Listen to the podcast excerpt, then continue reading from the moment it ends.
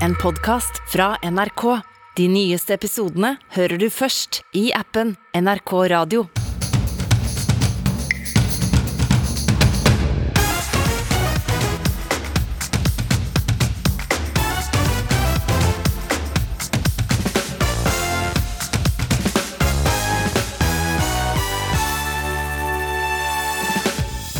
Det var dramatikk rundt femmila i OL i dag, som i praksis ble avlyst og erstattet med et halvparten så langt løp. Det ble russisk dobbeltseier og norsk bronse. Det er bedre å hete Arne enn Erna når du søker toppjobb i Norge, mener Erna. Jeg syns jo det er synd at de må bytte navn for å få jobb. Men nå hadde jo Erna jobb før, da. Så noe høyere enn det kommer du vel nesten ikke. Og Martin Kolberg gir seg med politikk etter 48 år med tordentaler og dirrende pekefingre for Arbeiderpartiet. Jeg er ikke en pekefinger. Er han eh, Nå må han ta i altså for å ha sjanse på gullet. Han stikker av unna her. Bolsjunov 350 meter igjen. Nede på det laveste punktet så er det dobbeltdans opp til stadion. Og da er han kjapt opp og kjører. Siste motbakken igjen nå for Bolsjunov, Jakimurskin og Simen Ekta Krüger. Det er dessverre noen meter opp til Sasha Bolsjunov. Det ser ut til at det blir Sasha Bolsjunov igjen her. Ja, sånn hørtes det ut da russerne tok eh, dobbeltseier på den siste langrennskonkurransen under OL i eh, formiddag. Femmila ble avlyst pga. Av dårlig vær. Langrennsløperne gikk isteden 28,4 km. Fredrik Aukland, du fulgte rennet for eh, NRK Sporten. Hva skjedde? Nei, Først og fremst så ble jo eh, distansen, den klassiske femmila, ble jo da endra til eh, fire runder av 7,1 km. Og Årsaken til det var en kombinasjon av lave temperaturer og mye vind, så det var av helsemessige årsaker. og Det gjorde at vi fikk kanskje et litt annet preg på denne femmila, som ble litt kortere. Aleksander Bolsjunov vant, eller Bolsjunov vant. Simen Hekstad Krüger tok bronse, men han lå jo godt an lenge. Hva skjedde med Krüger? Simen Hekstad Krüger leverte en fenomenal prestasjon. Vi skal huske på at han fikk korona bare for to-tre uker siden, da de var på treningsleir i italienske Seitzeralm. Han har vært isolert på et hotellrom, trent på en ergometersykkel, gått turer inne på rommet sitt. Så han har kommet til OL, ikke fått gå noen distanser før denne avsluttende distansen, og leverte meget bra. En tredjeplass skal vi være veldig fornøyd med. Men igjen, det ble altså dobbelt russisk i dette, denne distansen og russerne har vært veldig sterke i dette OL i langrennssammenheng. Aukland, du har trent bl.a. sveitsiske Dario Colonia, som herjet i langrennstoppen i mange år. Ser du som tidligere langrennstrener noen ting nordmennene kunne gjort annerledes? Altså, dette er jo et mesterskap som har gått i 1700 meter over havet. Det har vært tøffe løyper og trå snø. Og vi ser at de som har lykkes, altså skiskytterne og de russiske løperne i langrennssporet, har vært mye i høyden de siste årene og forberedt seg mye der. Jeg tror nok de norske, det norske laget skal ta en evaluering på hvorvidt dette har fungert 100% eller ikke. Til deres forsvar så har det vært mye uro rundt koronasmitte i forkant av mesterskapet. Så det er flere faktorer, men jeg tror nok at vi skal avslutte morgendagens renn før vi tar en endelig evaluering av mesterskapet, som kanskje ikke har vært helt det vi hadde forventa med norske øyne. Kvinnene går 30 km i natt klokka fire. Det er framskutt lite grann. Hva kan vi forvente oss der? Der må vi være så ærlige å si at der kan vi forvente oss et gull. Therese Johaug hun har alle forutsetninger til å vinne denne distansen. Hun har levert fantastisk så langt i mesterskapet. Hun er den klart, klart store favoritten, så de som vil se at hun kjemper om gullmedalje, de må opp tidlig i morgen, for som du sa, starten er flytta fram til 04.00 av norsk tid, så det er bare å gjøre seg klar for en, et siste distanse i langrennskonkurransene. Takk skal du ha, ekspertkommentator her i NRK, Fredrik Aukland. Arbeiderpartiets Martin Kolberg varslet denne uka at han er ferdig med politikk. Mannen som med morsk mine og pekefingeren hevet, som utrettelig har kjempet mot høyresida, skal altså kaste inn håndkle. Reporter Kari Li har møtt partisekretæren, som fikk høre av Gro Harlem Brundtland at han så ut som en loff i trynet. Gjennom hele livet så har jeg fått liksom, beskjed om at du ser så alvorlig ut. Du er så alvorlig. Ser så streng og alvorlig ut. Fikk masse kritikk av det når jeg var i fjernsyn. Nå må du begynne å smile, nå må du begynne å le og alle disse tingene. Og så Det har, har ikke ligget for meg. Men egentlig så har jeg ikke noe mørkt skinn. Martin Kolberg er av typen som må fortelle at han ikke er sur. Og det er kanskje ikke så rart dersom du har sett han i debatter. Hør. Polit politikk, skjønner du, er noe mer enn juss. Politikk er faktisk samfunnsmoral. Her f.eks. er Kolberg morsk. Det handler om korrupsjon i VimpelCom, et selskap Telenor var deleier av. Svineriet som internasjonal korrupsjon er. Og foran det gravalvorlige ansiktet hever han gjerne pekefingeren i kjent stil. Vi har jo alle kroppsspråk. Og når du er veldig mye eksponert, som jo har vært på talerstoler og i andre sammenhenger, så gjør det vel sånn at jeg liksom understreker det jeg sier med liksom å bruke pekefingeren sånn. Og da, da blir det jo fort det da at du blir litt stigmatisert på det grunnlaget, men jeg er ikke, jeg er ikke en pekefinger. Nei, det er kanskje ikke bare en pekefinger som nylig bidro til å splitte opp Viken, eller halte i land den første rød-grønne regjeringen i historien i 2005. Han er kjennetegnet av sin lange pekefinger, som kan være tolkning som strenghet, sånn skal det være, sånn må det være, men bak den så skjuler det seg et varmt medmenneske, og er en jeg alltid har satt pris på å kunne snakke ærlig og åpent med. På Knut Nærums lag så skulle vi egentlig hatt en fra Arbeiderpartiets toppledelse, men de syntes åpenbart ikke dette var viktig nok, så de sendte en eller annen sekretær. Partisekretær Martin Kolberg. For mange er det denne videoen som blir stående etter 48 år med Kolberg i politikken. Dyrelegen. Jeg, jeg sa du ikke skulle begynne. Året er 2007, og Arne Strand og Martin Kolberg får fullstendig latterkrampe i Nytt på Nytt. Strand røper at Gro Harlem Brundtland fikk en veterinær på besøk en gang hun var sjuk. Så lurte hun da på hvem har funnet på dette, så sier jeg det er Martin. Og du fikk ris og Av Gro? Nei, men hun hadde en Ved sånne anledninger så kunne hun si eh, Martin, nå ser du ut som en loff i trynet. Jeg vil jo ikke sammenligne Martin Kolberg med Jesus, men jeg tror det er mange i arbeiderbevegelsen som sier 'hva ville Martin eh, gjort'? Han har enorm respekt og er et slags eh, kompass i Arbeiderpartiet, vil jeg si. Og når han snakker, så vet de at da snakker han til grunnfjellet og kjernevelgeren. Kommentator i Dagbladet Marie Simonsen mener statsministeren kunne trenge råd fra 72 år gamle Kolberg. Jeg tror han kunne ha gitt gode råd til Jonas Gahr Støre, som kanskje hadde eh, forskånet ham fra en del av de problemene han kom opp i. Hvor gammel er Martin? 72? Ja. Ja, det mener I vandrehallen på Stortinget fisker Carl I. Hagen opp mobilen for å sjekke alderen til Martin Kolberg. 72. Først og fremst så syns jeg det er trist at eh, du slutter, Martin. Jeg håper at du lærer litt av meg og kommer tilbake i det at du kommer til å savne deg selv i de offentlige debatter. Eh, Og derfor melder deg på til Stortinget eh, neste gang i 2025. Hagen vil at Kolberg skal fortsette fordi Fremskrittspartiet drar nytte av tordentalene hans. Det var en periode hvor han faktisk var vår beste stemmesanker, syns jeg. Og det var en gang jeg lurte på om jeg skulle, før han skulle være med i en TV-debatt, så skulle jeg opp og levere han blomster og takke for innsatsen på vegne av Fremskrittspartiet. Men det fikk jeg ikke lov til av mine kollegaer i partiet. Høyres Michael Tetzschner står på reisefot, men tar seg tid til å snakke pent om sin tidligere kollega i Stortingets kontroll- og konstitusjonskomité. Eh, En, eh, en personlighet som du, du kan regne med er eh, virkelig, er, er ekte. Um, og det er en politikertype som, som jeg umiddelbart savner. Du sitter jo her med boka om Martin Kolberg. Hvor langt har du kommet? Nei, Den er jeg ferdig med for lengst. Den eh, har vært en av de hyggelige eh, leseopplevelsene. Ja. Men hvor, hva er alle de lappene? De merkelappene du har satt her? Ja, eh, det er litt uh, forskjellig. Det, det går på uh, både politiske uh, synspunkter, som jeg syns har vært interessante å merke seg, og også en del gode formuleringer. Og så har det jo de røde merkelappene, det er for å si det rett ut selvmotsigelser. Ja. Skal du vise meg litt rundt? Ja, det kan jeg gjøre. Det er torsdag kveld, og Martin Kolberg har reist inn fra Lier og tusler rundt i et tomt storting.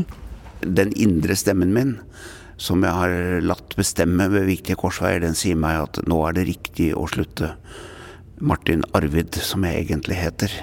Når jeg skal være litt høytidelig, så sier jeg Martin Arvid. Så nå sier jeg Martin Arvid, nå er det på tide å slutte.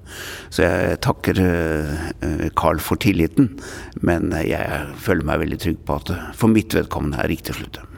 Kolberg har fått sete i Norges Banks representantskap, så helt møtefri blir det ikke for pensjonisten. Og selv om han sier at han ikke ikke skal være noen sjuende far i huset, er Kolberg klar på hva han mener statsminister Støre bør gjøre. Jeg mener at Arbeiderpartiet må systematisk tenke på, og også arbeide for, at SV kommer inn i regjeringen. Når vi kommer fram til jul, altså om et snaut år, så må vi føle oss veldig trygge på at vi har en sentrum-venstre-regjering og ikke en sentrum-regjering. For det tåler ikke Arbeiderpartiet. Det, det kommer vi ikke til å tåle. Statsminister Støre vil ikke kommentere rådet fra Kolberg. Eh, jeg lærte det av Trygve Bratteli i kanskje 75 eller noe sånt. Hvor han sa du må huske på det unge mann, som han sa. At uh, du må alltid slåss mot høyresida. Han la til hver eneste dag. Ja, det sa Arbeiderpartiets Martin Kolberg.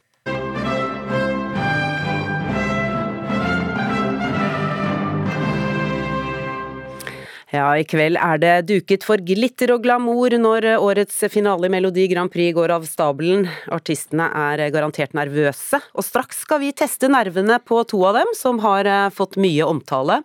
Kanskje mer for kostymene enn for låta si. Det handler om de to dresskledde ulvene i Subwoolfer som synger om å mate ulven med banan så den ikke spiser opp bestemor. Vi skal høre et lite klipp fra tidligere MGP-sendinger. Og i kveld så får vi altså besøk av den intergalaktiske duoen eller gruppa Subwoolfer, som altså har holdt på i 4,5 millioner år, og derfor er så heldig å, kunne reise rundt i de forskjellige galakser eh, med honnørbillett. Ja, hei, jeg heter Jim, og kompisen min her heter Keith. Vi er Subwoolfer. Vi starta bandet for ca. 4,5 millioner år siden på månen. Siden den gang så har jeg og broren min Keith konkurrert og vunnet det som er av musikalske konkurranser på samtlige planeter. Gjør dere klare? Subwoofer. Give that wolf a banana.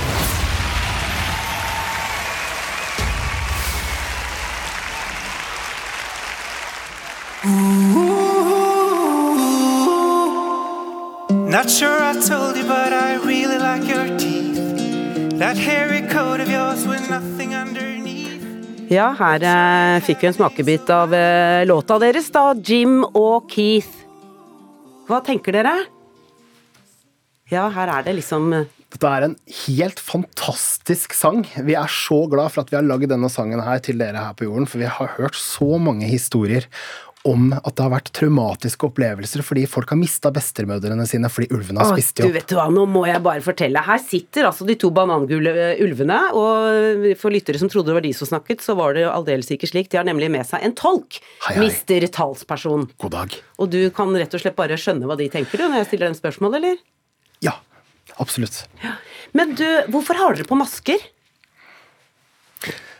Det er jo ingen masker involvert her. Vi skjønner ikke helt hva du snakker om. Det er jo helt åpenbart Keith og Jim som sitter her sammen med deg i dag. Men du, altså Det er jo ikke tvil. Dere har kasta dere på denne Maskorama-bølgen. Hvorfor det? Vi har jo svevd i bane rundt jorden i mange år, og endelig så fant vi en anledning til å komme for å vise denne sangen fram for dere på jorden.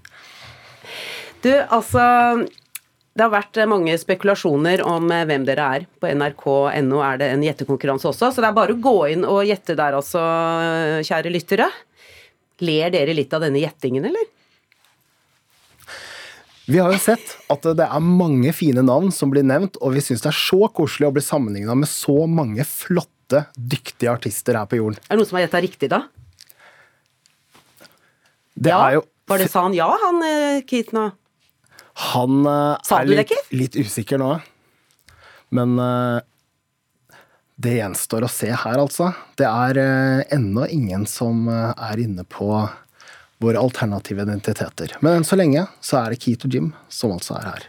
Ikke Erik og Chris, altså? Nei, på ingen måte. Nei, og ikke Ylvis-brødrene? Nei, nei, nei, nei. Og ikke Gaute Ormåsen? Nei, nei, nei. Maskorama hadde et eh, voldsomt eh, sikkerhetsopplegg for ikke, slik at deltakerne ikke skulle bli avslørt. Er det noe dere har jobba mye med òg? Det har jo kommet eh, mange morsomme meldinger og mange morsomme konspirasjoner om alternative identiteter. Men vi, vi er enn så lenge Keith og Jim. Hvorfor er dere så gule? Gul er jo en fantastisk farge. Den symboliserer glede. Og den symboliserer alt dere med jordbordet forbinder med gode ting. Du, Hvis uh, dere vinner i kveld Jim, nå må du svare, da. Må, dere er jo intergalaktiske ulver. Uh, hvis du vinner, uh, eller nå før kvelden egentlig, har du nerver? Vet du, det er altså så spennende å stå på scenen. Det er jo klart det kribler i magen. Deres jordboere sier sommerfugler, vi sier flaggermuser i magen. Ja, ja. Du, dette er første gang jeg har hatt eh, intervjuobjekter i studio som ikke har sagt et kløyva ord, det må jeg bare si. Men eh, takk skal dere ha. Musestille ulv 1 og Musestille ulv 2, og takk til tolken mister talsperson. Og snart, eh, dere må bare være igjen her og holde på litt utenfor studio, for snart så får vi ekspertenes vurdering av hvem dere er. Men eh, først eh, til låta deres, Give That Wolf a Banana. Not sure I told you, but I really like your teeth. That hairy coat of yours with nothing underneath. Not sure you have a name, so I will call you Keith. Ooh. See where you're going, but I don't know where you've been. Is that saliva or blood dripping off your chin? If you don't like the name Keith, I'ma call you Jim. And before that wolf eats my grandma, give that wolf a banana, give that wolf. And before that wolf eats my grandma, give that wolf a banana, give that wolf. Give that wolf.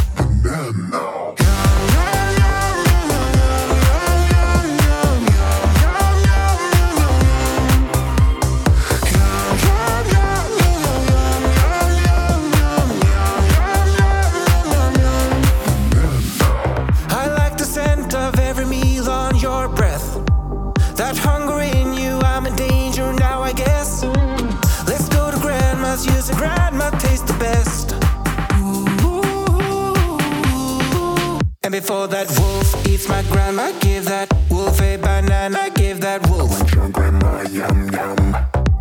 And before that wolf eats my grandma, give that wolf a banana, give that wolf. Give that wolf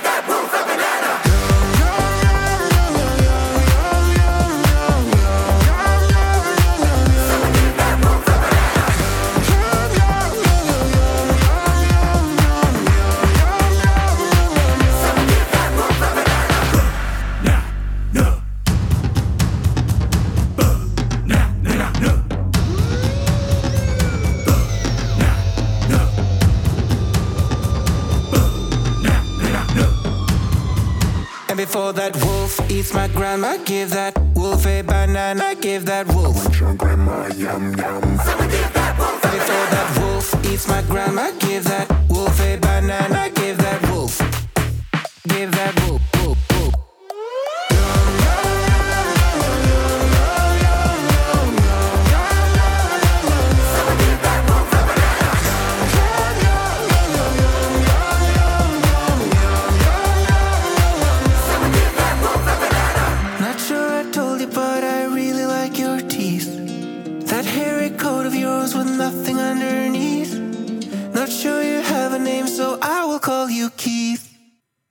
Ja, der fikk du eh, hele Give That Wolf a Banana med altså Subwoolfer. Regina Tucker, du er eh, kjent for eh, mange under artistnavnet Myra. Mm -hmm. Du har også vært mentor i TV-programmet Norges nye megahit. Mm -hmm. Maskene til side, du. Først til ja. selve låta. Mm -hmm. Hva syns du? Du, den er jo catchy. Og man kan jo oppfatte det som litt tull, men alle, altså er han catchy, så er han catchy. Den tar meg litt sånn tilbake igjen til tidlig 2000-tallet av en eller annen grunn. Jeg vet ikke om det er melodiene, det er noe litt sånn Backstreet Boy over det. Um, så man kan ikke nekte for at det er en catchy låt. Men tror du det er profesjonelle eller amatører? Nå står de ute her og okay. jo- jodler og shower for deg. Jeg har liksom, Dette er bare min oppfatning og min mening. Jeg tror det er to uh, menn som er veldig som er veldig melodiske, og som syns at det, det er beint ut bare gøy å lage musikk.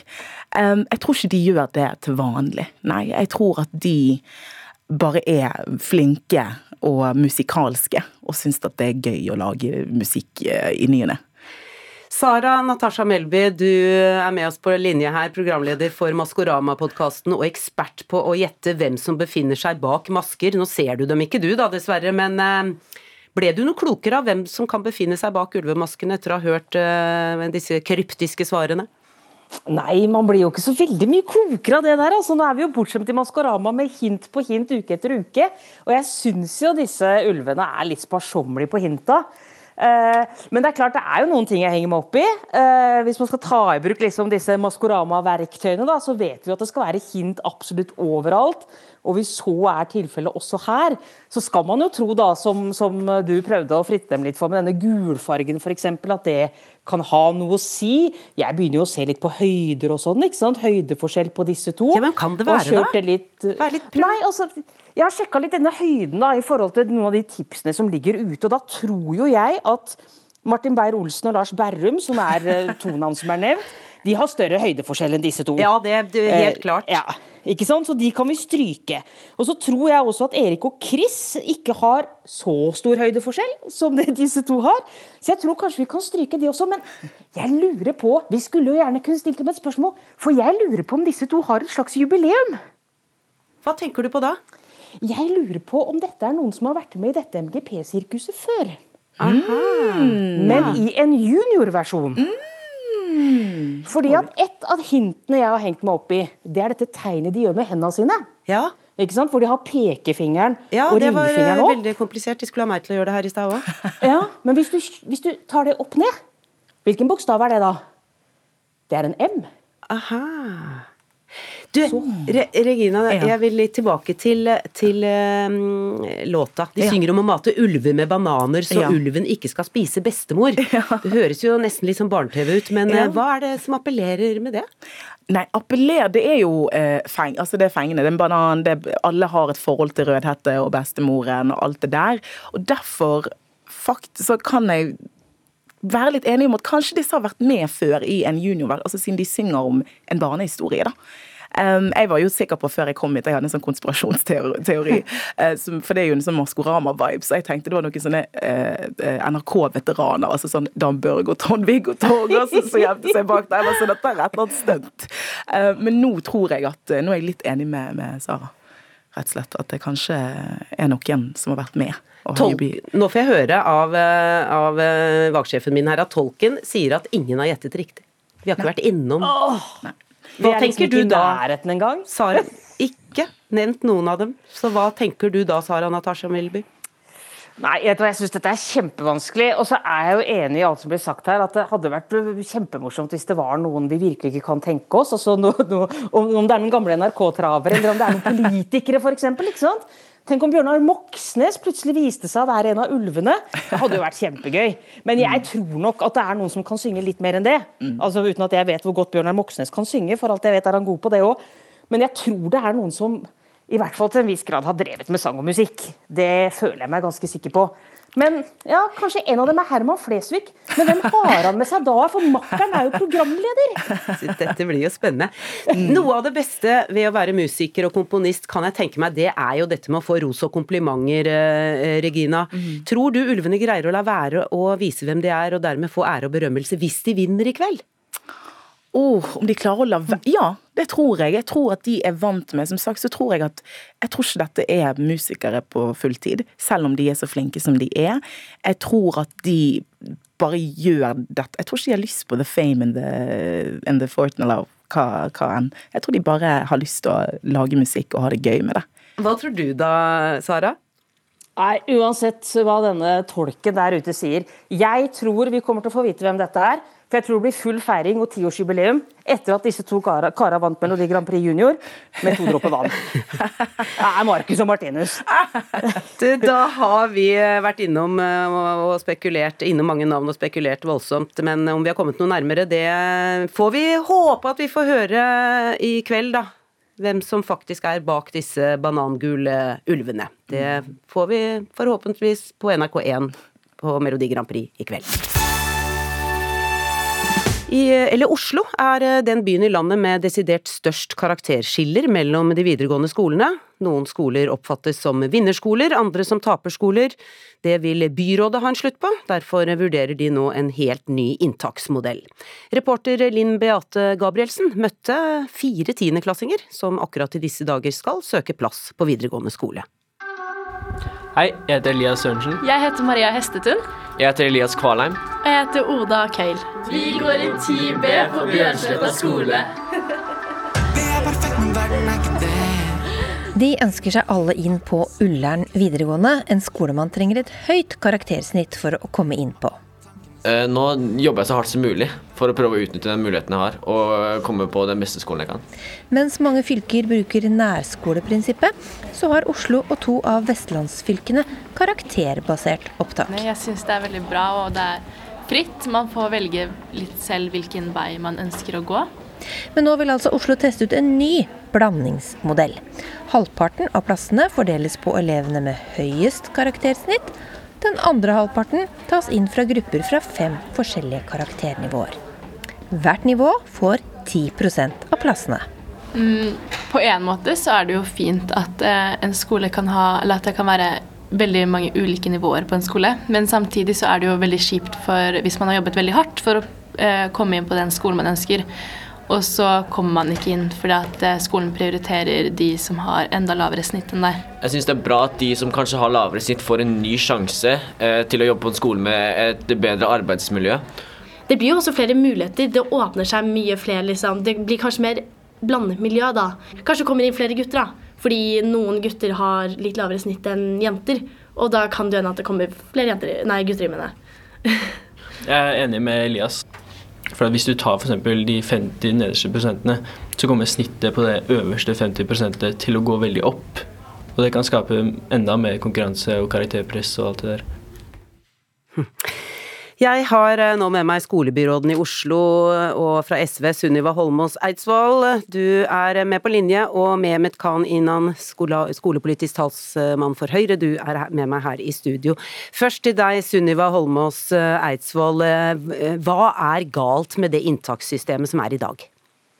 Ja, Det systemet vi har i dag, det er basert kun på karakterer. Sånn at det gir redusert frihet for elevene. For det er bare de med de beste karakterene som altså får muligheten til å velge skole fritt. Og det har gjort eh, gjennom over ti år at det har vokst frem store forskjeller mellom skolene vi ser. Vi ser at det er et knippe skoler som er nærmest hermetisk lukka for de som har under fem i snitt fra ungdomsskolen. Og så er det et knippe skoler der de elevene med de laveste resultatene fra ungdomsskolen går sammen. Og Det er et problem for ungdommene våre og for samfunnet vårt av flere årsaker.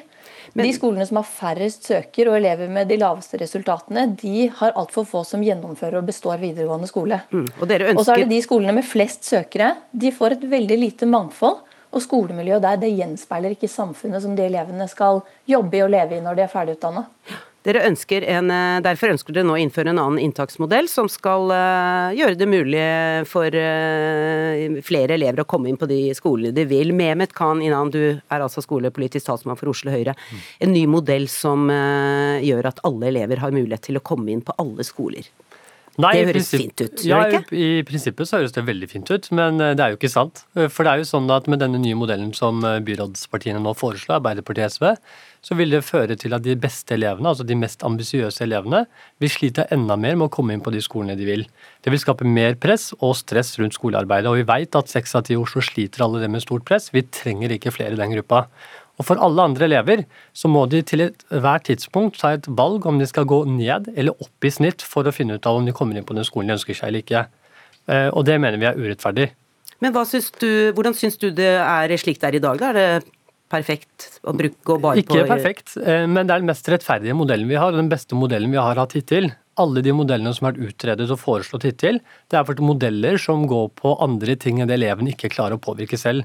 Eleven kan ikke påvirke hvor mye foreldrene deres tjener, hvor høy utdanning de har, hvor i Oslo de bor, eller hvilket kjønn de har.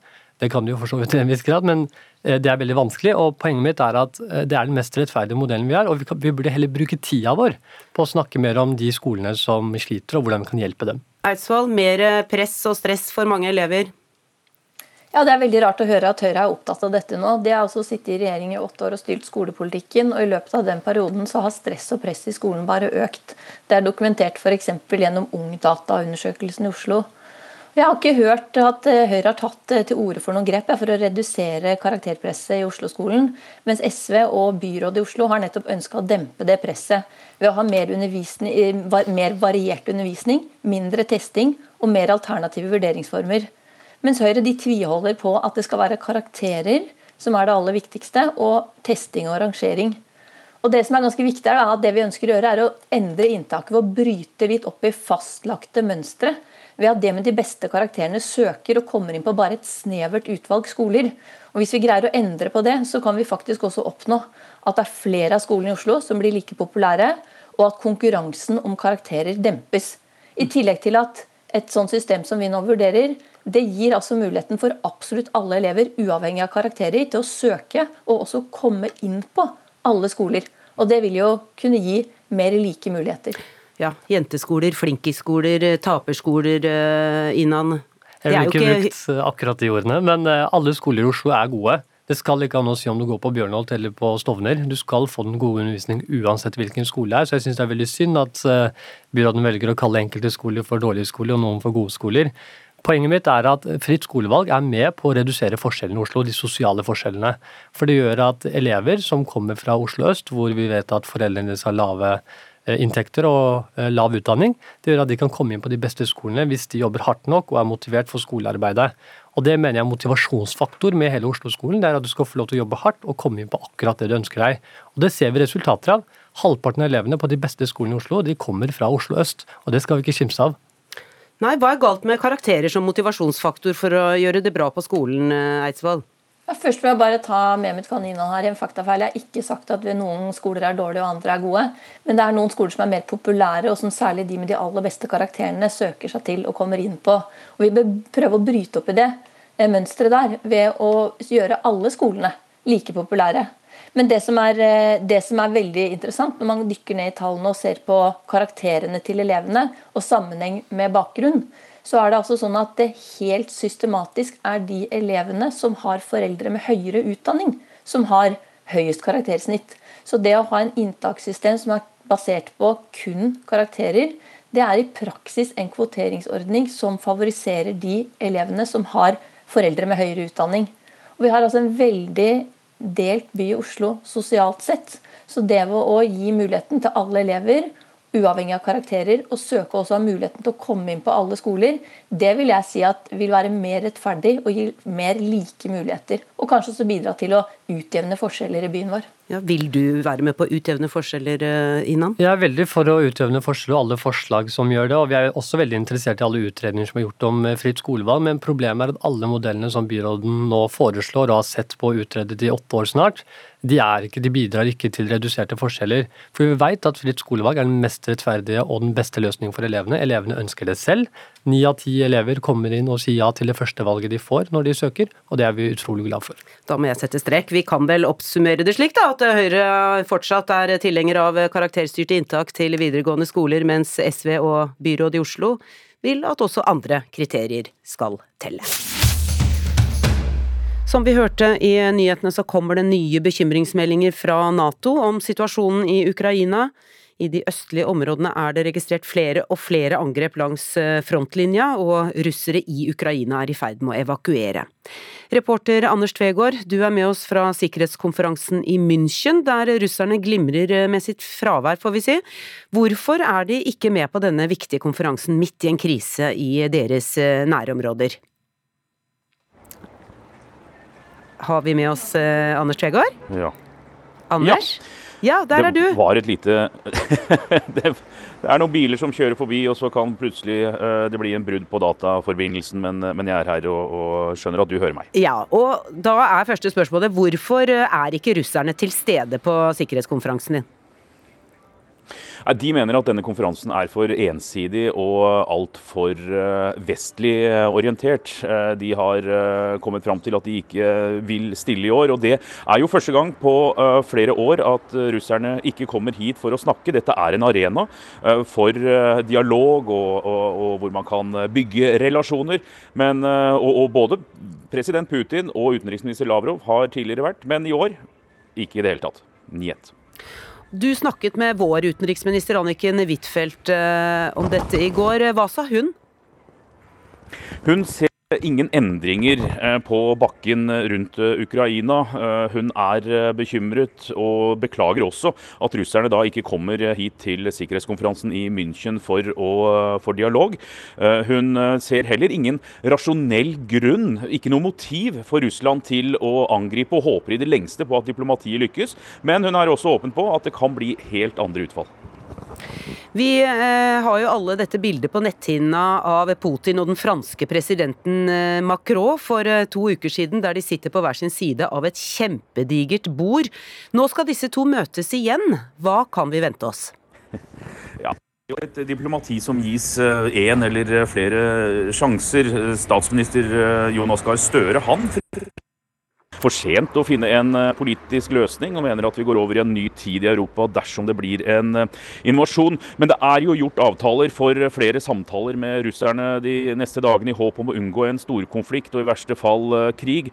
USAs visepresident Kamala Harris hun har nettopp vært på scenen her i München. Hun forteller at USA har sanksjonspakka klar, altså straffetiltak, som skal ramme Russland økonomisk dersom de skulle angripe. Du, Russerne har jo latterliggjort Vesten, som har eh, påstått at russerne vil angripe Ukraina. Eh, kan du si noe om det? Hvordan ser Nato og Vesten på denne harseleringen? Ja, det her i, i, München så er det mer uh, alvorstynget. Det er ikke mange her som uh, trekker på, på smilebåndet. Det pågår jo en informasjonskrig, en propagandakrig. Men um, amerikansk etterretning uh, de viser til at russerne ikke snakker sant når de hevder at det er en delvis tilbaketrekking på gang, f.eks. Så, så dette er mer dystert og dramatisk enn sarkasmen fra Moskva om f.eks. når de kan ta vinterferie. Eh, da, takk til deg, Anders Tvegård. Eh, nå skal du videre for å intervjue Stoltenberg etter hvert, så vi får antageligvis noe av det utover ettermiddagen fra deg. Vi skal nå til en eh, scene i NRK-serien Lykkeland, som har satt i gang en bevegelse i sosiale medier. The only problem is your name. They see your name and then they just they put it in the no pile. No, I don't think it's that simple. I know they do. Arne is a good Norwegian name. Arne? Arne. Arne Hellevik. I would hire him. I should apply as Arne. That's fraud, Jonathan. No, it's not. It's a typo.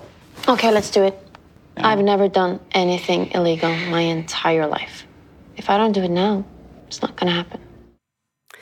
Ja, vi eh, hørte hovedpersonen Anna Hellevik her, som endrer navnet sitt til guttenavnet Arne for å bli innkalt til en jobb i Oljedirektoratet. Det hjelper, og hun blir innkalt til intervju og får jobben. Scenen skulle vise hvor diskriminert kvinner på 70-tallet var i norsk arbeidsliv, men episoden har eh, gjort inntrykk på kvinner i dag også, så sterkt at eh, du også nå kaller deg Erna. Kaller deg Arne Erna Solberg, i alle fall på din LinkedIn-profil. Der står det nå Arne Erna Solberg. Og hvorfor Arne Erna? Fordi at det fortsatt finnes eh, diskriminering og fordommer i arbeidslivet. Jeg tror ikke de er så sterke som de var på 70-tallet. Eh, bildet av at en kvinne kan være toppleder i Norge er blitt mye bedre. Men det finnes fortsatt, og veldig ofte skjer det ved at man ikke er god nok på å rekruttere kvinner oppover. At man ikke får samme sjansen som eh, ens mannlige kollegaer på å få de forfremmelsene på et tidspunkt. Man legger mer vekt på kvinner, at kvinner ofte er mødre, at de får barn og den typen ting. Du... Eh, og så er det ikke bare Arne Erna altså Arne, altså det, det spørsmålet som er som, som, for kvinner, det er også mye på etnisitet i Norge, hvor det er enda vanskeligere for folk med en annen bakgrunn. Du er eh, leder i Norges eh, nest største parti, og du har vært statsminister i Norge i åtte år. Hva vet du om å bli holdt nede, eller ikke nå toppen, egentlig? Jeg har vært eh, leder av Høyres kvinnebevegelse. Jeg har jobbet mye med likestillingsspørsmål. Eh, og eh, selv om jeg personlig har klart Og politikken er kanskje den mest likestilte arenaen i Norge, så tror jeg det skal ikke se så lite rundt omkring på, på norsk arbeidsliv, og ikke minst på, på norsk næringsliv og se at det fortsatt er barrierer for kvinner, og det er barrierer for folk med annen etnisitet, som jeg også eh, skriver på min LinkedIn-profil knyttet til dette. Og jeg tror noe av det aller viktigste vi gjør, er å være eh, at alle som ansetter, er bevisst hvilke ubevisste fordommer og selektering man gjør. Eh, som denne innslaget viste fra, fra Lykkeland, at man rett og slett legger vekk søknaden. Sånn, de som ansetter i Norge, alle som gjør det, også kvinner og menn har med seg de fordommene de har. De har med seg de ubevisste preferansene de har. og Derfor er det glasstak der er kanskje vanskeligere å komme opp og frem. Både for jenter og for representanter for minoriteter. Men Du har jo kommet igjennom dette glasstaket. Har du likevel noen konkrete eksempler å komme med av, av hindringer du har støtt på? Jeg, jeg, har ikke støtt på så mange hindringer, men jeg har nok oppstått på forskjellsbehandling opp igjennom. Hva du blir spurt om, hvilkene, hvordan du blir profilert Hva, hva mener du med det? Hva blir spurt om hva da? Nei, jeg har Spurt om er jo liksom hvordan du skal håndtere å være toppolitiker og ha barn. og pleier å si at Mine barn har jo også en far. Sant, og sånn.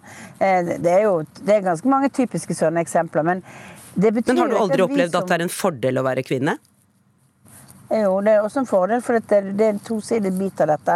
Fordelen med å være kvinne er jo at du av og til har trengt kvinner i, i utvalg, råd og annet. At du kanskje blitt foreslått som det kanskje tidlig i din karriere. Så det er en tveget bit av dette. og Derfor sier jeg at politikken er jo den mest likestilte arenaen. Men det er fortsatt sånn at vårt arbeidsliv, vårt næringsliv, er det noe vanskeligere for jenter å komme opp enn det er for gutter. Til slutt, Erna Solberg. Hvilke råd har du til unge kvinner i dag som ønsker seg opp i toppen av norsk næringsliv og samfunnsliv? Det viktigste er å gjøre jobben godt på det området du har og der du er. Men det er også viktig å fortelle at det er du som har gjort jobben. For jeg tror at det er litt av de hemningene som av og til jenter legger på seg selv. At de snakker alltid om at alt er blitt teamarbeid, mens menn selger seg selv på en bedre måte. Vi er ofte vant til å lære til at vi skal være litt mer ydmyke og dele æren med alle andre. Der tror jeg at mange jenter har en liten jobb å gjøre for å bli sett på som det de faktisk er. Kanskje den viktigste bidragsyteren til at noe er blitt en suksess. Bli med videre og hør debatten mellom tidligere toppsjef Arne Anita Krohn Traaseth og tidligere hodejeger Elin Ørjasæter. ja, hvorfor ikke?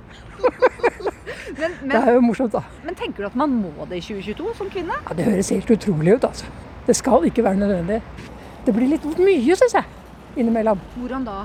Nei, Jeg syns liksom du hører hele tiden om at det er, det er kvinner som blir diskriminert både her og der. og av og til så har jeg følelsen at de må liksom stå opp litt sjøl òg. Det var en serie som het Lykkeland, hvor det var en som het Anna Hellevik, nyutdannet økonom. Okay. Søkte og søkte, fikk aldri jobb. Aha. Så byttet hun navn til Arne Hellevik. Ja, det leste jeg. Ja. Det har ført til at Anita Krohn Traaseth og Erna Solberg nå kaller seg for Arne. Det syns jeg er tåpelig. Nå syns jeg kvinner og kvinner i så mange ledende stillinger. To norske statsministre av kvinner. Stortingspresident. Så det er faktisk ganske flinke kvinner. Jeg liker å tenke og tro at vi kvinner er like gode. Nei, mitt liv og min erfaring er at jeg opplever oss som veldig likestilte. Jeg, men jeg syns det er trist å høre at det fortsatt er noen som må, må putte Arne. At Anna må hete Arne. Du sier til deg selv hver dag 'jeg er bra nok for de svina'? ja. Men jeg er faen bra nok òg. Takk. Det er litt latterlig, egentlig. Ja. Du syns det? Ja, litt sånn PR-opplegg. Men må vi, må vi, virkelig det for å bli hørt og sett? Må vi ha, må vi ha ma mannens navn for å gjøre det? Jeg syns nesten vi taper litt ja, på å gjøre det.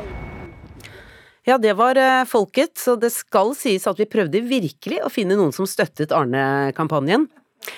Det pågår altså en kampanje på sosiale medier der kvinner kaller seg Arne fordi de mener det er lettere å få seg en toppjobb i Norge hvis man er mann.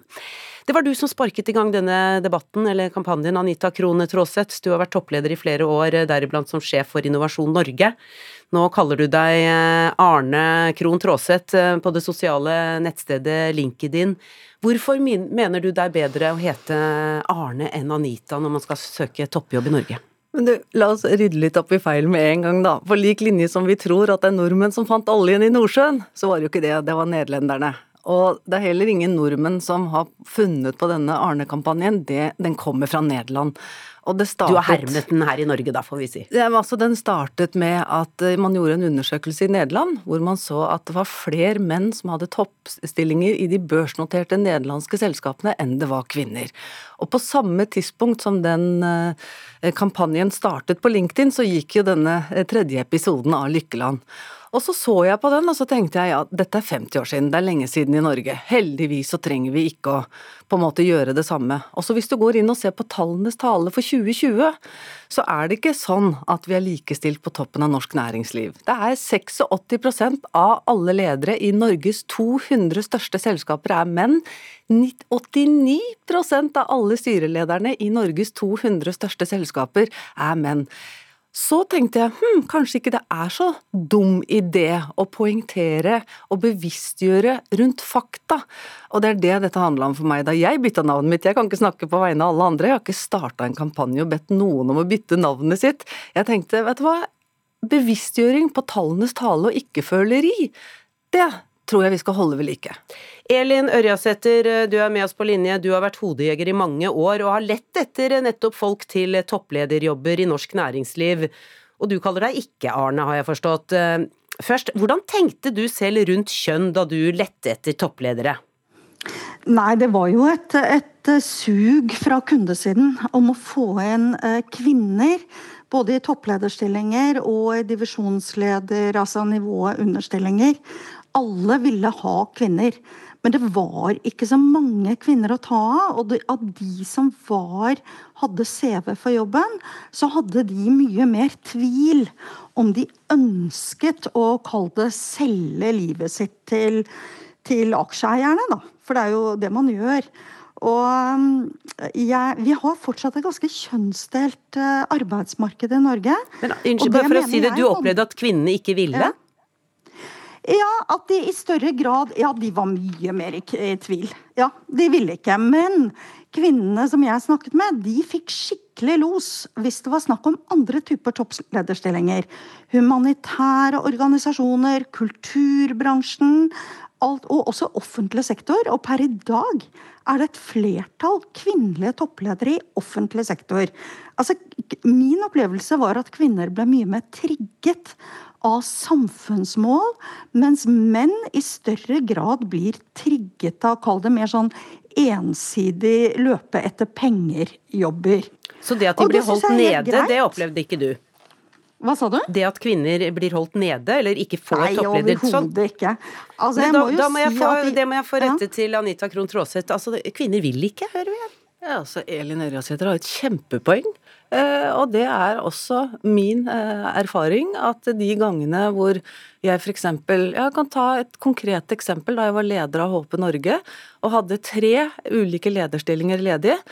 Eh, det som skjedde da, var at gutta kom inn på kontoret mitt, satte seg ned, hadde med seg en kaffe og fortalte hvorfor de burde få denne lederstillingen. Og så satt jeg der og tenkte faen, hvorfor kommer ingen kvinner inn? Er det ingen av de som har lyst på denne jobben her? Og så begynte jeg å snakke med flere av de, da. Og så kommer de og sier ja, men jeg kunne godt tenke meg den jobben, men jeg er jo ikke kvalifisert. Jeg, kan jo ikke, jeg krysser jo ikke av disse punktene. Men da så, faller jo hele denne kampanjen på rus, da, som skulle hett Anne-kampanjen, egentlig. Da, hvis altså, alle vil, toppledere eller i næringslivet ønsker seg kvinner, men er kvinner ikke vil?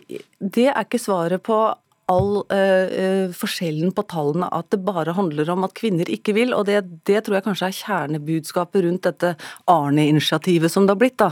At det, det, er ikke sånn, det er ikke bare, handler ikke bare om at kvinner ikke vil, det handler også om en uh, rekrutterere som også har rekruttert i et veldig sånn snevert miljø, og så har de sagt at vi finner ikke kvinner. Uh, sånn at vi har kommet et ganske langt steg på vei fra det. Det eneste jeg ville si, var at jeg ville anerkjenne poenget til Elin. Det er faktisk en realitet i dag at enkelte kvinner ikke vil. Men du sier også at eh, Elin og co. kanskje ikke leter godt nok? Er det det du sier òg? Nei, jeg, tror, altså jeg vet ikke hvordan Elin har rekruttert kvinnelige ledere, men at det har vært også gjennom årene en dialog og også en kritikk på hodejegermiljøene, at man har lett i en veldig liten base, det er også en realitet. Men jeg tror også at eh, bedriftene, lederstillingene i offentlig sektor og privat, de nærmer seg mye mer. Så den todelingen på at man skal tjene samfunnet kontra bare tjene kapitalismen, den tror jeg også er i ferd med å skli ut litt. For eh, selskaper i dag i næringslivet som ikke leverer på en trippel båndlinje, tiltrekker seg ikke verken talenter eller gode ledere. Elin Ørjasæter, det er jo noen år siden du var hodejeger, men eh, hva tenker du om dette at dere, at dere ikke leter godt nok? Nei, der, der, må jeg si at jeg syns Anita har et godt poeng. Det er helt slående hvor lite forskning det har vært på rekrutteringsbransjen i Norge. Det er helt utrolig. altså Man forsker opp og ned på en masse andre ting. Men akkurat hvordan headhuntere har jobbet, der har vi svært lite. Og der har jeg faktisk selv skrevet en, en eh, kronikk sammen med en kollega eh, i Dagbladet om at jeg opplevde at hodejegerne ikke var flinke nok til å søke bredt. Men jeg tror ikke det er hovedårsaken til at det er få kvinner på toppene. Mm. Det tror jeg handler om et kjønnsdelt arbeidsmarked som har kommet, blitt kjønnsdelt fordi vi velger ulikt. Kvinner og menn har i de store tall ulike interesser. Og menn er, hvis du ser på menn som gruppe, er mer villig til å jobbe veldig lange arbeidsuker over veldig mange år. Og det er det som skal til for å få akkurat denne type toppjobber. Jeg tror Hvis NRK ønska seg en sånn heavy debatt om dette, her, så må jeg bare igjen si at jeg syns Elin har et svært godt poeng. Eh, og så tror jeg også at det som er litt befriende når vi snakker om dette her nå i 2022, er at det er litt gammeldags å tenke at ja, bare vi kjører inn kvotering, eller bare kvinner skjerper seg litt, eller bare vi gjør litt sånn, så blir det mye bedre problemstillingen er mye mer kompleks, og det handler også om dype kulturelle forventninger til kjønn. Vi må huske at kvinner i Norge kunne ikke engang ta eksamen artium, eller altså gå på videregående før i 1882. Det betyr at min oldemor, det, kunne ikke gå på artium. Og når jeg sitter med mine tre døtre, når de skal velge nå fritt videregående, og så sier jeg til de, jeg må huske at oldemor kunne ikke gå ta artium. De, altså de, de, de forstår ikke prinsippet, at det er mulig at kvinner ikke kunne gjøre det. Mitt poeng og min deltakelse, hvorfor jeg skifta navn, selv om jeg har vært toppleder og, og, og er styreleder og ikke representerer, jeg representerer minoriteten, så syns jeg likevel det fra et samfunnsmessig perspektiv er viktig å holde fokus på tallenes tale 2022, og at likestillings- og fordeling av makt i norsk næringsliv er for lav ennå. Det må vi ikke glemme. Det, helt til slutt her, det pågår jo også en støttekampanje til Arne her. Det er menn som kaller seg Anne. Kan det ligge noe her? Trenger vi flere menn som blir Anne? Altså jeg mener flere menn som velger barn og familie framfor uh, toppjobber? Selvfølgelig er det, det er litt merkelig at de jentene som er mest opptatt av karriere på Handelshøyskolen, de forelsker seg i de guttene som er like flinke som dem selv på Handelshøyskolen. De burde jo heller ta seg en eh, tur til andre utdanningsinstitusjoner, hvor de, hvor, de, utdanner menn med lavere ambisjoner. Men det, det syns jeg faktisk er rart. Altså, ja, men du vet du hva, Vi setter strek der, og den kan henge igjen litt. Tusen takk skal dere ha, Elin Ørjasæter og eh, Arne Anita Krohn Traaseth. Norge er eh, flere ganger blitt kåret til verdens beste land å bo i og å føde i, men eh, nå er det et barselopprør på gang. Eh, nå er det et varselopprør i Norge. Er det barselopprør? Det har jeg ikke fått med meg. Nei, de, de mener at det er for få hender, for få folk på arbeid. Ja. Og, og, at det er ikke fødselen som, som er det verste, men det er tiden etterpå. Det er tiden etterpå, vet du, for vi har jo hatt en pandemi. Ja, men du vet at det, det, vel, det er vel ikke noe verre nå enn det har vært før. Nei. Tror jeg. Jeg har født to barn. Hvordan var det da? Hvordan opplevde du din barseltid? Ja, den var helt grei. Husker Nå du hvor lenge du lå? ja, Første gang lå jeg vel et døgn, tror jeg. Da lå jeg på Josfingaten. Og så ble jeg satt i drosje dagen etterpå opp til uh, Ullevål. Og lå i tyskerbrakke der i hele barseltiden. Hva? Ja, vi gjorde det før. Dette var i 1970, altså. Er det sånn? Nei, så du støtter ikke helt opprør, du merker jeg nå? Nei, jeg gjør ikke det, for jeg tror ikke det er noe verre nå enn det var før. Nei. Du må bare bite seg sammen litt. Det er noe du skal igjennom, og du må gjøre det alene. Det er ingen som kan føde for deg. Ja, hvordan er denne tiden etter fødselen, de seks ukene vi kaller barseltid? Får norske barselkvinner den nødvendige roen og hjelpen de trenger til å få til amming og bli trygg på morsrollen? Nei, det gjør vi ikke, mener eh, de norske kvinnene som står bak barselopprøret. En av dem er deg, Cecilie Ingulstad, du fødte selv eh, i april i fjor. Hva er så galt med dagens barselomsorg? Jo, eh, barselomsorg det er jo kvinnehelse. Og Norge som er et av verdens rikeste og mest likestilte land, vi burde jo være et foregangsland innenfor barselomsorgen. Men vi sender faktisk kvinner hjem fra sykehus uten å gi dem grunnleggende ammeveiledning, informasjon om egen helse eller veiledning i stell av baby. Og ofte uten at de har fått sovet ut, stelt seg eller spist ordentlig etter fødsel. Og så kommer de hjem til en kommune som verken har ressurser eller vilje til å ta vare på dem. Så det som er galt med dagens barselomsorg i Norge, er at vi har et enormt holdningsproblem. Ikke før politikerne skjønner hvor viktig det er å investere her, både for kvinnehelse og for samfunnet og familiene, vil vi få til en ordentlig endring som faktisk monner. Ole Henrik Krat Bjørkholt, du er statssekretær i Helse- og omsorgsdepartementet. Du er far til tre og spesialist i allmennmedisin, og som turnuskandidat jobbet du også på en barselavdeling, faktisk. Kjenner du igjen det Ingulstad sier her? Ja, så det jeg tenker det er to ting som er viktige her. Eh, det ene er at jeg er helt enig i at vi som et rikt og vellykket land, og som har satt oss som mål å bli verdens beste i eh, offentlig helseomsorg, vi kan tillate oss å sette enda høyere mål enn det vi har i dag.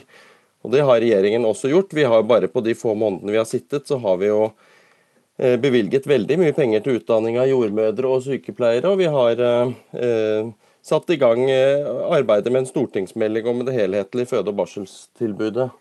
Men når det er sagt, så er det klart at vi har jo en av verdens laveste spedbarnsdødeligheter i landet. Så, så er, vi er absolutt på tå blant de beste i verden, men vi kan bli mye bedre. Blant de beste i verden, Cecilie Ingulstad. Likevel har dere en liste med ti krav til regjeringen. Nå må dere dra alle ti, men hva er det viktigste å få på plass, mener du? Jeg vil gjerne trekke frem de tre hovedkravene våre.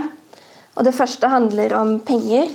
Det betyr at vi trenger øremerkede midler til barselomsorgen og en finansieringsmodell som faktisk sikrer kvalitet. For det andre så trenger vi nok folk. Det betyr at vi trenger en bemanningsnorm som sikrer at vi har nok folk med riktig kompetanse på barselavdelinger. Det må bli slutt med at vi erstatter jordmødre og barnepleiere med sykepleiere og legestudenter som ikke har kunnskap om barselkvinner.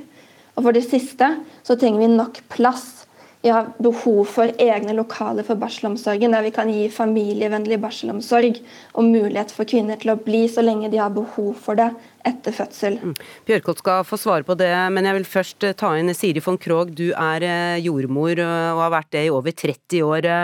Hvordan har barseltiden endret seg i løpet av denne tiden du har holdt på? Ja, Den har endret seg ganske kraftig, egentlig. I feil retning? Eh, altså, du kan si både og. fordi at når jeg ble utdannet, så var det det én til én med jordmor i fødsel. Litt sånn som ABC og Stork og Fødeloftet driver nå, men som veldig få av de store fødeavdelingene greier å drive på med. Én til én, hva tenker du? Nei, da har du en jordmor tilgjengelig til deg under hele fødselen. Og det er det ikke på store sykehus i dag? Nei, i storbyene greier de ikke det i det hele tatt. Men ute i distriktene så kan de greie det mye bedre. Uh, og da, Før så lå man på barsel i fire dager hvis man hadde en vanlig fødsel, og man lå i fem dager hvis man hadde keisersnitt. Og det er sånn, å føde er jo også en stor sånn hormonell omveltning, og du tar puberteten på tre dager. På den tredje dagen så kommer melken, og da sitter du og griner og skjønner ikke hvorfor du griner, og er overlykkelig på en gang. Dette er det de nå på en måte Det hadde man tid til før, da. Og du fikk den omsorgen du trengte. Det heter barselomsorg, det heter fødselsomsorg, det heter svangerskapsomsorg. Det er ikke liksom bare det tekniske, men det er en helhet rundt det. Nå leste jeg på i går at de som leder OS-utbyggingen, de mener at folk skal få lov til å reise hjem etter 24 timer. Eh, for det første så skal du sitte i en bil, du kan jo nesten ikke sitte etter å ha født ut et barn. Eh, og så ja, Men få lov til, de må jo ikke. Ja, men det blir de jo pressa til. Allerede i dag så blir de jo pressa ut, korona eller ikke, så blir de pressa ut på, på, på, i perioder hvor det er mye. Så du støtter disse barselopprørerne? Jeg gjør det, men, men, jeg vil også si til, måte, til, til um, departementet at uh, det er en økonomisk todeling. ikke sant? Du har helseforetaket, de blir driftet som et profesjonelt uh, foretak uh, med økonomer. Og, du, og de betaler for fødsel og barsel. Og så har du kommunen, som er drevet av politikere og for så vidt en stab der også, men som ikke er like profesjonell sånn økonomisk. De skal liksom ha det til å, å gå litt bedre. De skal ikke tjene penger men det skal helseforetakene. Sånn som de er drevet i dag.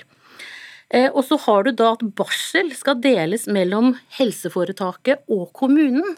Og der fins det ingen tydelige føringer. Viljen er der, men føringene fins ikke. Eh, og sånn som jeg jobber i en bydel i Oslo, som er en underskuddsbydel. Byrådet sier at du skal gi mer penger til svangerskapsomsorgen, men det går inn i tapssluket. Ole Henrik eh, Krat Bjørkholt, statssekretær i eh, Helse- og omsorgsdepartementet. Hva har du å si til eh, kritikken her, når du har fått det fra to hold? Ja, det var mange ting, da, men jeg tenker jeg kan ta utgangspunkt i de tre kravene til barselsopprøret. Så vi er jo i stor grad enig i mye av det som pekes opp her. Mer penger. Vi har begynt den jobben. Vi har øremerka 60 millioner til flere jordmødre i kommunene. Og vi har starta opp 200 nye utdanningsstillinger for spesialsykepleiere, hvorav mange jordmorstillinger. Og 500 ekstra studieplasser for sykepleierstudenter. Så vi har liksom begynt langtidsarbeidet. Eh, og så har vi eh, sagt at vi, eh, vi har nå oppretta en helsepersonellkommisjon som skal se på bemanningen frem mot 2040. Så vi har både begynt den kortsiktige og den langsiktige, men vi har bare så vidt kommet i gang, og vi har høyere ambisjoner enn dette. Når det gjelder nok folk og nok penger, så så har jeg sånn sett da svart ut at vi, vi har ambisjoner om å komme barselsopprøret i møte på dette. Eh, nok plass, så står det også i Hurdalsplattformen at nye sykehus i Norge skal bygge store nok. Vi skal ikke bygge de sånn at de blir for små allerede når de åpner. Dette høres jo riktig bra ut, Cecilie Ingulstad. Ja, kan jeg svare Bjørkholt på dette her? Ja. Ja, helseministeren sa jo i går at det ikke er en barselskrise, men en bemanningskrise. Og dette vil jeg gjerne svare på. For selvfølgelig, Det vil hjelpe noe å øke antall jordmødre, men vi ser i Sverige at så lenge man ikke gjør noe med systemet, hvor man ikke har verken kontinuitet eller mulighet til å gi omsorg, ja, da slutter disse jordmødrene bare etter et par år. Dette er en systemkrise. Vi må gjøre noe med hvordan vi organiserer hele svangerskap, fødsels- og barselomsorgen. Og ja, Det er fint at man lover en ny stortingsmelding, men det gjorde også den forrige rød-grønne regjeringen. De lovet oss en helhet. De lovet nok eh, jordmødre i kommunene, men det har vi ikke sett noe til. Det er ikke blitt noe av. Så med mindre man går inn i dette her på en måte hvor man virkelig vil ta tak i det som er problemet, lytte til fagfolk og lytte til kvinnene og komme med tiltak som ikke bare er fagre pressemeldinger og lovtaler, så, må, så kommer dette ikke til å bli noe av. Uh, og Det er det jeg forventer meg nå, at man virkelig går inn i dette problemet og endrer hele systemet. Ja, Jeg skulle jo snakke om hva som var forskjell, og det er jo mennene. Mennene har jo kommet inn som en stor faktor, og man har nå faktisk 14 dagers eh, barselpermisjon for menn. Så barselmenn også, ikke bare barselkvinner? Nei, det er begge deler. Og det er jo et stort fremskritt i forhold til hvordan det var før. Og de har også fått en mye lengre permisjon. Sånn at eh, mennene er jo på en måte veldig mye mer enn før, og det tenker jeg De blir jo til og med eh, deprimerte, barseldeprimerte, leste jeg. Ja, og nå under korona hvor de ikke har fått være med på kontroller verken hos jordmor eller på sykehuset, og nesten heller ikke med i fødsel, så det, ser man en stor økning av deprimerte menn. Mm. Eh, Bjørkholt, krise, systemkrise, ser ikke du den heller? Det er i hvert fall ganske store utfordringer med, med å, å, skaffe nok fagfolk. Både jordmødre og gynekologer og andre eh, Hva vil dere gjøre for å, for å, rette opp i det, da? Ja, Jeg har jo allerede pekt på noe. Vi vil, må utdanne flere. Og så må vi, og Helsepersonellkommisjonen skal jo både peke på hvordan man kan utdanne, rekruttere og beholde. og Det siste er jo kjempeviktig. Vi har litt dårlig tid her nå, så dere, dere vil utdanne flere, men det krever jo, det krever jo mer penger òg? Ja da, og vi har allerede satt av mer penger i 2022, og det kommer til å bli satsa mer i 2023-budsjettet. Men Fødsler kan drives på lavbudsjett. Jordmødre som er, driver fødeenheter er jo mye billigere enn å dra inn alt mulig teknikk og leger. Og Det tenker jeg, det er dere i ferd med å bygge ned. Det bygges ned i de nye planene på de store sykehusene. Så alle disse jordmordrevne enhetene de forsvinner, de treffer du bare ut på landsbygda. Du, Da må jeg sette strek. Takk skal du ha, Cecilie Ingulstad, en av kvinnene bak barselopprøret. Ole Henrik Krat Bjørkholt, statssekretær i Helse- og omsorgsdepartementet, og Siri van Krogh, du har vært jordmor i 30 år. Takk skal dere ha. Jeg hører vi skal angripe hvilket klokkeslett starter krigen, spøkte president Vladimir Putin i går. I dag sendte talskvinnen i Utenriksdepartementet Maria Sakharova denne meldingen. Jeg vil be amerikanske og britiske medier publisere datoene for invasjonene det kommende året. Jeg vil gjerne planlegge ferien min. Ja, og denne pressetalskvinnen som Oving refererer til her, hun har også harselert over Nato-sjef Jens Stoltenberg som hun kalte bankmann og en nedskutt Nato-flyger, med utsagn som russerne ikke kunne ta seriøst, sier hun. Teaterinstruktør og tidligere teatersjef Hanne Tømta, du er utdannet i Russland og har bodd der i mange år. Kjenner du igjen denne form for eh, sarkasme og humor? Ja, jeg gjør jo egentlig det. Eh, det er en, eh, en, litt annen form for humor enn det vi er vant med. Eh, den er frekkere og kanskje litt tøffere, men til gjengjeld også da når det treffer ganske mye morsommere, syns jeg da personlig. Du kjenner jo til uh, russisk teater selvfølgelig godt. Du mm. er, har vært uh, teatersjef ved Nationaltheatret og Rogaland Teater, og, og, er jo teaterinstruktør. Hvordan arter denne russiske humoren seg på teaterscenen? Jeg tror jo på en måte at det er jo en felles enighet om at det er ingenting uh, som det er for drøyt å spøke om. Og, og, kanskje er det jo en form for overlevelsesstrategi, da, om at veldig vanskelige temaer eller situasjoner lar seg tøyse med fordi at det er en måte å, å komme gjennom det på. Så, så, jeg tror den derre, hva skal jeg si, evnen til å ha to tanker i hodet samtidig, eller snakke med to tunger, den, den er veldig forankret i folket. Men du, fra teaterscenen tilbake til den internasjonale politiske scenen. Hvordan tror du russerne reagerer når de hører sine politikere harselere med, med Nato-sjefen Stoltenberg, f.eks.?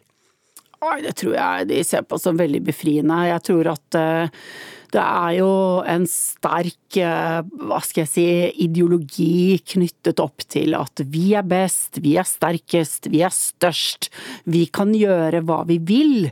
Og, og akkurat denne situasjonen vi har stått i nå disse dagene, uh, som jo da nå har endt opp med å bli kalt en, på en måte en informasjonskrig, det er jo en altså, en oppvisning i at Look what I can do. Altså, jeg kan gjøre det hvis jeg vil, men jeg kommer i hvert fall ikke til å gjøre det når dere sier at jeg skal gjøre det. Til slutt her, Hanne Tømta. Det har vært en informasjonskrig, som denne sarkasmen også har eh, vært en del av. Eh, hvem har vunnet denne krigen? Åh, eh, det oppleves vel kanskje på en måte som uavgjort. Eh, jeg tenker at eh, sitter du i Moskva og hører på nyhetene, så tenker de at eh, vi, de har vunnet. Og, og, er vi hos oss, så tenker vi at vi har vunnet. Jeg tenker at det er jo en form for arroganse å ikke møte opp i München nå på dette møtet, som kanskje er en må, hva skal jeg si, en måte å prøve å dra seieren i land på, men ja, fra mitt ståsted så vil jeg vel kanskje si 1-1 foreløpig. Ja, det var eh, Hanne Tømta, det, som jeg snakket med tidligere. Du har hørt en podkast fra NRK. De nyeste episodene og alle radiokanalene hører du i appen NRK Radio.